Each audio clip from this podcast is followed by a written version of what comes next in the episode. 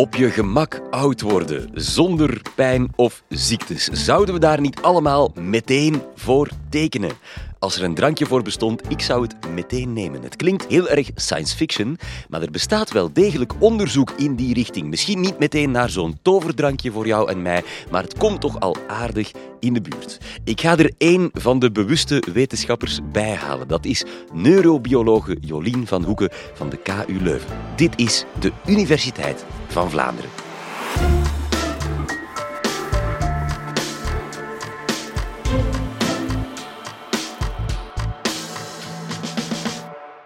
Dag Jolien, welkom. Voor jouw doctoraat heb jij de verouderingsprocessen van killivisjes onderzocht. Wat zijn killivisjes? Wel, killivisjes zijn kleine bontgekleurde visjes die voorkomen in Afrika, meer bepaald Mozambique en Zimbabwe.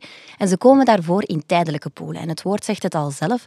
Tijdelijke poelen zijn enkel gevuld tijdens, met, met regenwater tijdens het regenseizoen.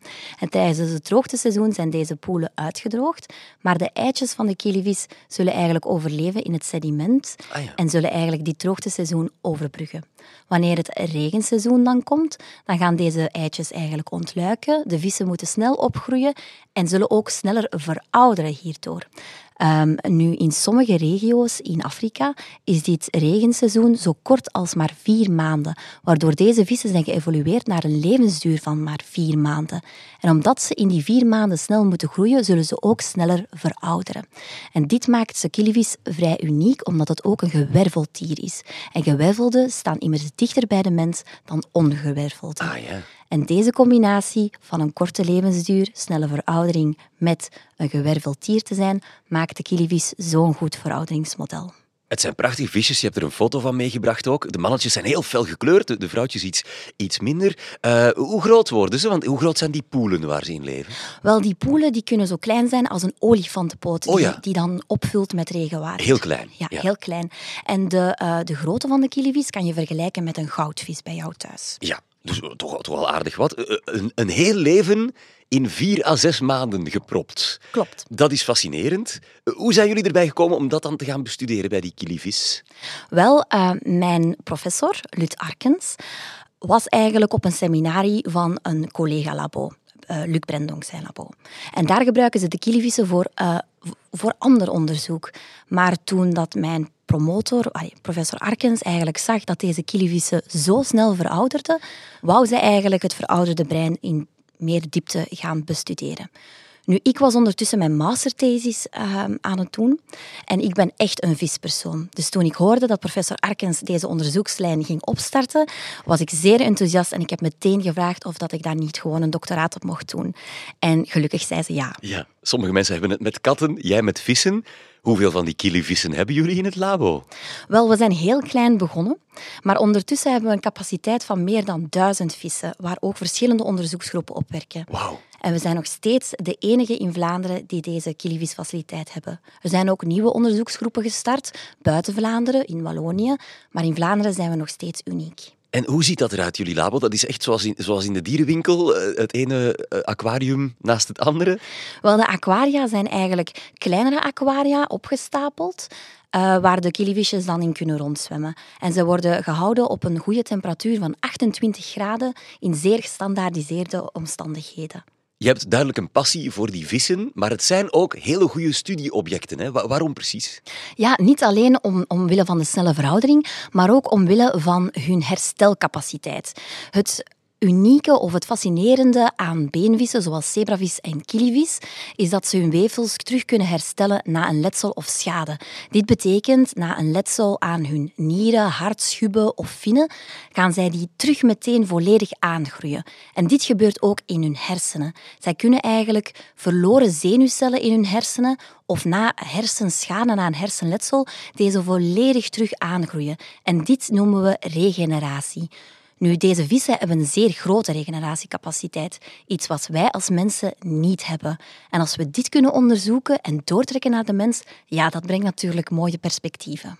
Ja, je zegt het, jullie bestuderen verouderingsprocessen in die killivissen om ze dan op de mens te kunnen toepassen, maar wij lijken toch helemaal niet op elkaar.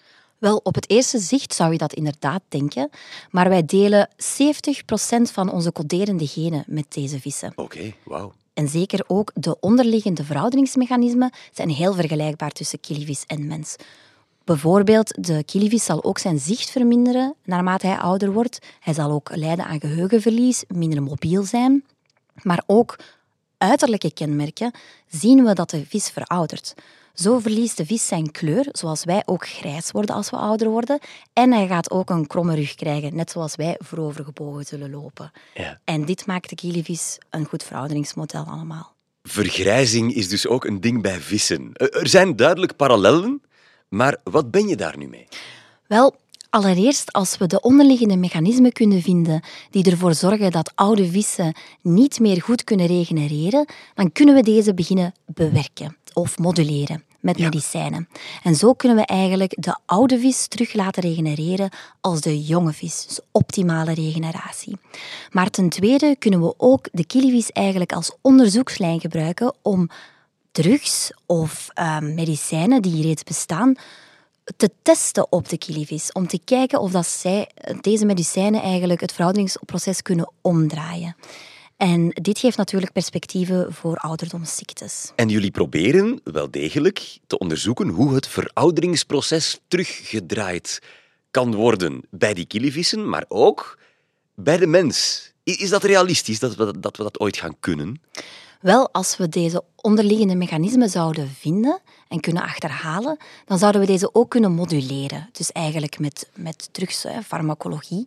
En dan zouden we eigenlijk optimale regeneratie kunnen induceren bij ouderen die lijden aan een hersenletsel of een, een hersenziekte. Ja, ik denk dan ook aan, aan Alzheimer en, en Parkinson bijvoorbeeld. Dat zijn ook ziektes waarbij de hersencellen het laten afweten, eh, sneller dan normaal. En grote drama's voor patiënt en omgeving. Kan jouw onderzoek daarbij helpen? Inderdaad, moesten we mechanismen of strategieën vinden waardoor we regeneratie terug kunnen opwekken of induceren in het verouderde brein van deze patiënten, dan kunnen we deze zenuwcellen terug laten aangroeien. En dan zullen deze patiënten niet meer lijden aan geheugenverlies bijvoorbeeld. En dat is het uiteindelijke doel. Oké, we kennen het kader van jouw onderzoek nu. De vraag is, wat heb je ontdekt uit het onderzoeken van de kilivis? In mijn onderzoek heb ik eigenlijk jongvolwassen vissen met oude dieren vergeleken. En ik heb gezien dat jongvolwassen dieren volledig konden regenereren, dus volledig konden herstellen van hersenschade, terwijl oude dieren dit helemaal niet konden. Ah, ja. Eigenlijk zagen we dat oude kilivissen de slechte regeneratiecapaciteit die wij ook bij zoogdieren zien vertonen.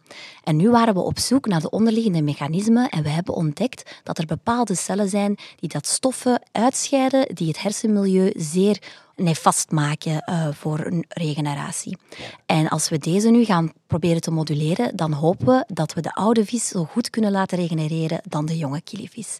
En daar zijn we nu naar op zoek. Fascinerend allemaal. Wat, wat gaan die kilivissen en jouw onderzoek ons in de toekomst nog brengen, in jouw stoutste dromen?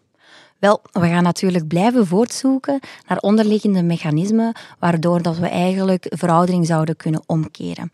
En hiermee bedoelen we niet dat we eigenlijk meer levensjaren gaan toevoegen, maar dat we meer gezond gaan verouderen. Dus dat onze laatste levensjaren, wanneer we oud zijn, eigenlijk optimaal gaan benut worden en dat we eigenlijk gezond gaan zijn in deze laatste levensjaren. Gezond verouderen, dat is ons doel.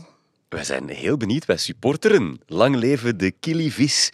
Maar ook niet te lang, want anders geraakt jullie onderzoek niet vooruit. Dankjewel, Jolien van Hoeken. Wil je trouwens weten of sushi kan dienen als medicijn tegen Alzheimer? Dan moet je vooral naar het verhaal van neurowetenschapper Melissa Schepers luisteren. Dat is aflevering 301 van deze podcastreeks. Tot daar of tot een volgende keer.